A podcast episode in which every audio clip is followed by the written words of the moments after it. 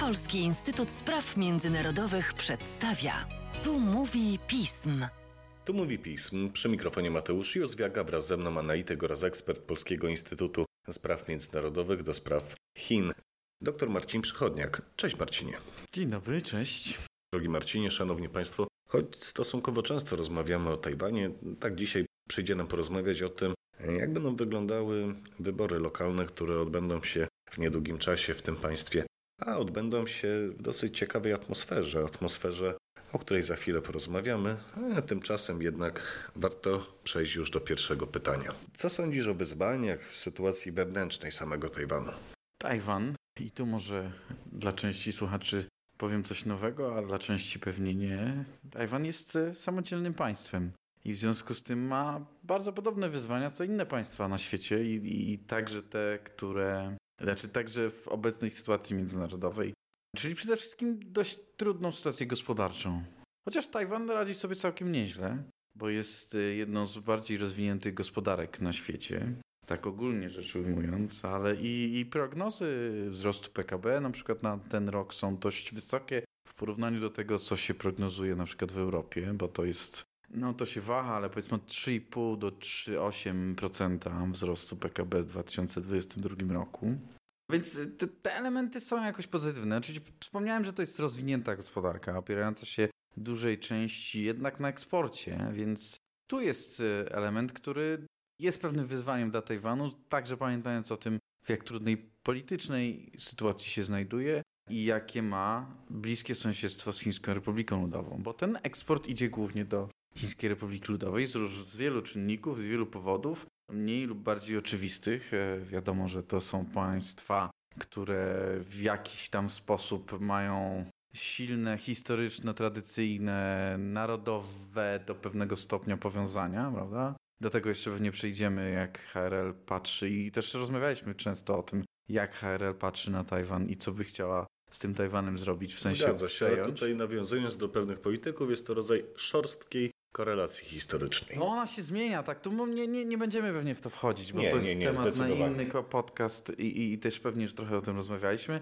Generalnie no, większość eksportu Tajwanu idzie do HRL i tu jest ten element, możliwość nacisku po stronie chińskiej w przypadku ewentualnych jakichś dalszych działań e, mających na celu przejęcie na przykład wyspy. No i ta zależność jest też ważnym wyzwaniem dla Tajwanu w obecnej sytuacji. Jest też tematem do pewnego stopnia, ale jednak ważnym w tych nadchodzących wyborach, o których za chwilę więcej. Więc y, to jest 42% do HRL, więc y, ale to jest 42%, ale to jest 70% eksportu jest z PKB tajwańskiego, więc y, już odwołując się do tych liczb, pokazuje to, że rzeczywiście dla Tajwańczyków kwestia tego, czy będą mogli produkować, to jest raz, a to bardziej zależy od nich samych, ale także, że będą mieli gdzie to sprzedać, co wyprodukują. I tu już jest element polityczny, który w to wchodzi. Mm, więc no to, to, to jest jakby istotna kwestia w tej chwili. I gospodarka jako taka, dla, dla, dla wyzwania, znaczy dla Tajwanu jako wyzwanie i też jako temat kampanii wyborczej do pewnego stopnia, jako temat tego, o czym się w tej chwili na Tajwanie debatuje i co może wpłynąć na wyniki tych zbliżających się wyborów. No ale jak dużym stopniu mogą wpłynąć same Chiny? Pamiętajmy o tym, że również dla niej obecne czasy to wyzwanie gospodarcze. To prawda, bo temat Chin jako taki, Chin czyli HRL, jest istotny w, w debacie w ogóle do Tajwanie w tej chwili. To jest oczywista oczywistość, ale jest też istotny w tej kampanii wyborczej, która jest trochę inna. Mimo tego, że dotyczy wyborów lokalnych, to jednak te tematy takie, nazwijmy je strategiczne, czy ogólnopolityczne, ogólnokrajowe, coraz silniej się pojawiają no, w związku z taką, a nie inną sytuacją, z rosyjską agresją na Ukrainę, ze zjazdem Komunistycznej Partii Chin i w ogóle z polityką Harel wobec Tajwanu i tym, co, czym to może grozić. Więc i ten temat jest obecny i te zagrożenia o jednym już wspomniałem, czyli pewnej zależności gospodarczej jest to widoczne, ale też w ogóle całej debaty na temat tego, co Tajwan powinien teraz robić, żeby ustrzec się albo obronić się, albo w jaki sposób mógłby się bronić przed ewentualną, w e, e, najgorszym przypadku, inwazją. Tak? No i jakie są głosy? Głosy są różne, ale taki wybijający się jeden jest taki, że chyba trzeba zmienić podejście do, w ogóle do całej koncepcji obrony. To też jest element pewnej dyskusji ze Stanami Zjednoczonymi, które jak wiadomo są tym partnerem najważniejszym i, i, i, odgrywają dużą rolę jednak w tym, co Tajwańczycy, jakie decyzje podejmują odnośnie obronności i jakie nie. No bo też sprzedają większość gro sprzętu tajwańskiego, znaczy gro sprzętu wojskowego Tajwańczykom. No i ta, ta debata jakby odchodzi od tego, zresztą może zacznę od tego, że, że, że, że budżet się zwiększa. Tajwańscy, Tajwańczycy podjęli decyzję o tym, że będą więcej wydawać na zbrojenia. O 14% więcej w przyszłym roku. To mniej więcej będzie jakieś nieco ponad 13 miliardów dolarów wydadzą na, na wojsko w ogóle generalnie w budżecie ta część będzie tyle wynosiła. I w pierwotnej wersji to rzeczywiście te, te zakupy, jakie chcieliby dokonać, no to są na przykład myśliwce wielozadaniowe, to jest tego typu uzbrojenie, bo ofensywne do pewnego stopnia o, o, takim poziomie. Nie jestem wojskowym, więc proszę, słuchacze mi wybaczą, jej specjaliści e, terminologię nieadekwatną być może. Natomiast e, w moim rozumieniu umożliwiającą pewną e, rywalizację z przeciwnikiem w, w podobny sposób, tak? Obronę aktywną przed ewentualną inwazją. Na Tajwanie coraz bardziej ta dyskusja idzie w stronę, że należy odejść od tego myślenia, że jeśli dojdzie do najgorszego, to Tajwan nie ma szans na obronę przed samą inwazją. Natomiast powinien rozwijać możliwości, co tak ja ładnie przetłumaczyłem z angielskiego, pewnej asymetrycznej zdolności walki, tak? E, I tu znowu proszę o wybaczenie wszelkich specjalistów od wojskowości. Natomiast e, no to jest się w skrócie sprowadza do, do rozwoju tych zdolności walki, może nie partyzanckiej, ale obronnej już na terytorium Tajwanu, tak? Na, na, na, na zdolnościach rozwoju zdolności piechoty, walki z wojskami pancernymi na przykład, czyli tych przysłowiowych e, żołnierzy z, z javelinami na plecach, prawda, albo, albo tego typu w ogóle całej obrony cywilnej, prawda, zdolności społeczeństwa do reagowania na sytuacje kryzysowe i, i właśnie e, wspierania sił zbrojnych. Więc ta debata się toczy i, i, generalnie wygląda na to, że to rzeczywiście pójdzie w tę stronę. A na pewno jest to ważny element w ogóle całej kampanii wyborczej i całej rozmowy na temat e, kandydatów, e, wyborców, na temat tego, jak oni widzą Tajwan w najbliższych latach. No bo to, o czym pewnie za chwilę przejdziemy i do czego teraz pewnie przejdziemy, czyli same wybory lokalne.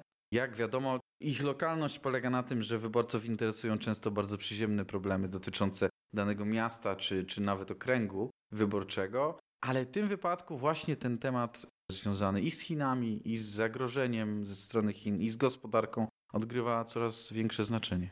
Inwestycja w siły zbrojne i pewien rozwój obronności w kierunku, o którym mówiłeś, już tutaj również nie będziemy wchodzić w szczegóły pod względem nazewnictwa, no jednak to jest pewien proces ewolucyjny, nie rewolucyjny. W związku z tym, Marcinie, jak się na to zapatrują możliwi zwycięzcy wyborów? No i jak to może wpłynąć na, całościowo na politykę Tajwanu?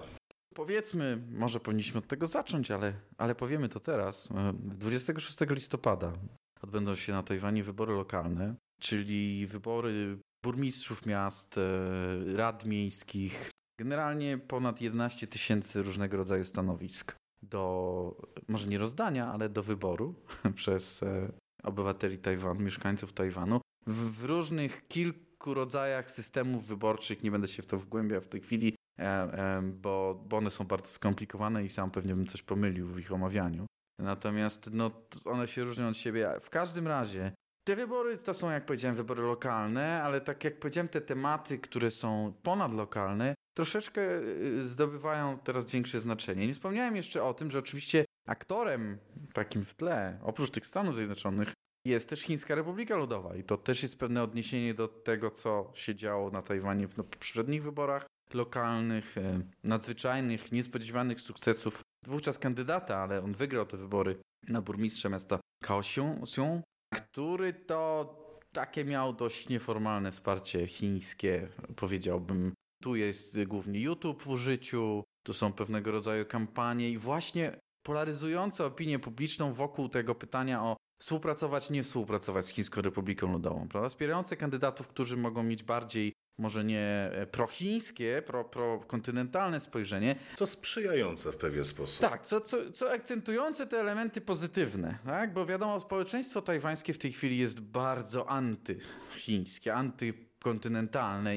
i, i na przykład wizyta wiceprzewodniczącego jednej z partii narodowej, Kuomintangu, na kontynencie, w momencie, kiedy były wrześniowe ćwiczenia wojskowe, kiedy była cała ta sytuacja z wizytą Nancy Pelosi i, i, i jakby z, ra, z radykalizacją stanowiska Pekinu, no została bardzo źle odebrana. Co nie zmienia faktu, że jak pokazują sondaże w tej chwili, tak dotyczące może powiedzmy naj, najważniejszych miast tajwańskich, no to, to wyniki mogą się okazać takie, że ta partia narodowa, przynajmniej jej kandydaci do pewnego stopnia, zdobędą dużą część miejsc czy stanowisk, których startują. No tu jest wiele niewiadomych. Jakby y, zazwyczaj jest tak, to są wybory wybory w, w, poprzednich wyborach, oni po raz pierwszy wygrali część z tych, więc ma, mają naturalny plus u wyborców tego, że kontynuują kadencję albo że są jakby yy, mają pewne dokonania. Wówczas wtedy, w 2018 roku, dużą rolę odegrała, odegrała niskie, niska popularność pani prezydent Tsai. Ona obecnie jest, ma dużo lepsze notowania, więc e, to też jest jakiś element, który na to wpływa. Konkurenci Partii Narodowej, czyli rządzący na poziomie narodowym, państwowym, Demokratyczna Partia Postępu i e, akurat ma e, przewagę finansową. Udało jej się zebrać dużo więcej pieniędzy. Tak ogólnie rzecz ujmując, ja tu robię pewien, pokazuję obraz generalny. W przypadku wyborów lokalnych to może być czasem różne w danych okręgach, ale tak to wygląda w tej chwili. Więc no, no, no mamy kilka poszczególnych wyścigów, że tak powiem. Na przykład w Nowym Tajpej, gdzie tutaj akurat e, przewaga obecnego burmistrza z Partii Narodowej jest do, dość mocna, sondażowo oczywiście, więc on prawdopodobnie tamte wybory wygra. M mamy sytuację na przykład bardzo ciekawą w mieście e, Taiyuan, gdzie kandydat Demokratycznej Partii Postępu, czyli partii obecnej pani prezydent, miał dużą przewagę sondażową, ale okazało się, że popełnił plagiat w pracy dyplomowej. Udowodniono mu to. Przynajmniej na tyle mocno to zasugerowano i, i, i na tyle były to mocne zarzuty, że zrezygnował z wyścigu, więc też tam musiał nowy kandydat e, pojawić się z tej partii, więc też nie wiadomo jak to wpłynie, raczej negatywnie w ogóle na, na ten akurat, e, na te rywalizacje, ale także w skali krajowej, więc to rzeczywiście tak jak można było przy pierwszej chwili przypuszczać, że Partia Narodowa, czyli opozycyjna w skali narodowej, w skali krajowej, może rzeczywiście opanować nawet, e, wygrać nawet 16 z 22 wyścigów o, o, o hotel burmistrza w miastach, co zapowiadał zresztą jej przewodniczący. Tak, no to myślę, że będzie to się ważyło aż do, do samego końca, do 26 listopada. E, co też ciekawie rokuje, bo, bo te też te wybory lokalne troszeczkę mogą powiedzieć, nie wszystko oczywiście, ale dać pewien obraz tego, jak będą wyglądały te wybory no, z naszej perspektywy, polskiej perspektywy, międzynarodowej perspektywy ważniejsze. Czyli te wybory w 2024 roku, kiedy to obecna pani prezydent zakończy drugą kadencję i nie będzie mogła kandydować na kolejną, więc Demokratyczna Partia Postępu będzie potrzebowała kandydata, który ją zastąpi. No a Partia Narodowa będzie się starała o to, żeby po wielu latach e, e, bycia w opozycji przejąć władzę na Tajwanie. I, i, więc jej ewentualne zwycięstwo, tak jak powiedziałem, możliwe, przynajmniej wygrana w większości wyścigów do fotel burmistrza, niekoniecznie musi jeszcze oznaczać, że dojdzie do jakiejś gwałtownej zmiany polityki tajwańskiej czy sytuacji na scenie politycznej na Tajwanie w przyszłym, e, nie przyszłym, 2024 roku. No tak, ale do 2024 roku jeszcze trochę, zaś do 26 listopada zostało nam tylko kilka dni. Czy przedsmak w postaci wyborów lokalnych faktycznie zmieni coś na scenie tajwańskiej, czy jednak nie, będziemy mieli okazję jeszcze obserwować w przyszłości. Również to, e, z jakimi wynikami ukończyli wspominany przez Ciebie wyścig poszczególni kandydaci. Cóż, mamy kolejną okazję do naszych rozmów. A tymczasem dziękuję Ci, Marcinie, za dzisiejsze nagranie. Dzięki wielkie. Państwa zaś zachęcam do śledzenia naszej strony internetowej, czytania najnowszych biuletynów i komentarzy, śledzenia mediów społecznościowych, a także naszego kanału na YouTube. Dziękuję jeszcze raz za uwagę i do usłyszenia.